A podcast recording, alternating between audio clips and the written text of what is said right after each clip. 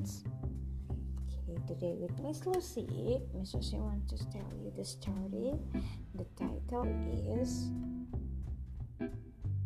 A Lion and the Mouse.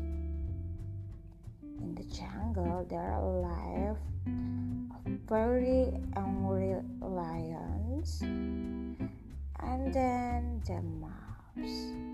One day when mouse wake up in the morning and look around him, he shouted with joy and he say, Spring is coming, spring is coming.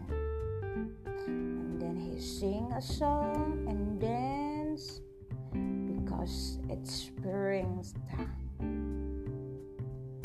the lion heard the voice and he said, Stop singing. I want to sleep. Can you, can you stop singing now? But the mouse didn't hear the lion. And he's singing again.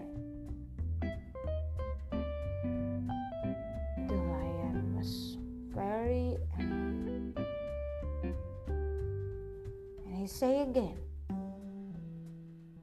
Can you stop singing? Because I want to sleep.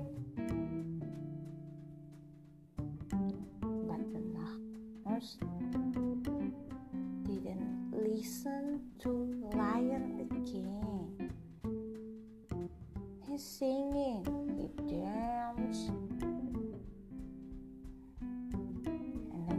then have an idea to make mouse stop singing. The lion said, Mouse, do you want to eat banana? I got this last night.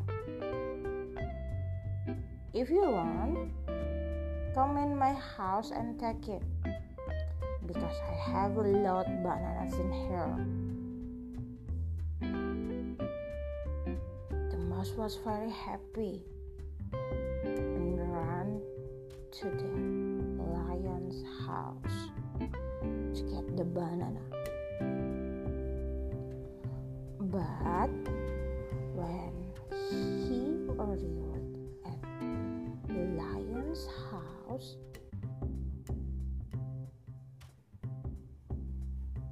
the lions eating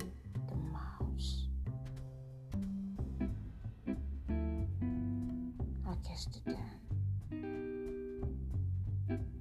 The morals of the story is don't easy to believe in others. Jangan terlalu mudah untuk percaya kepada orang lain.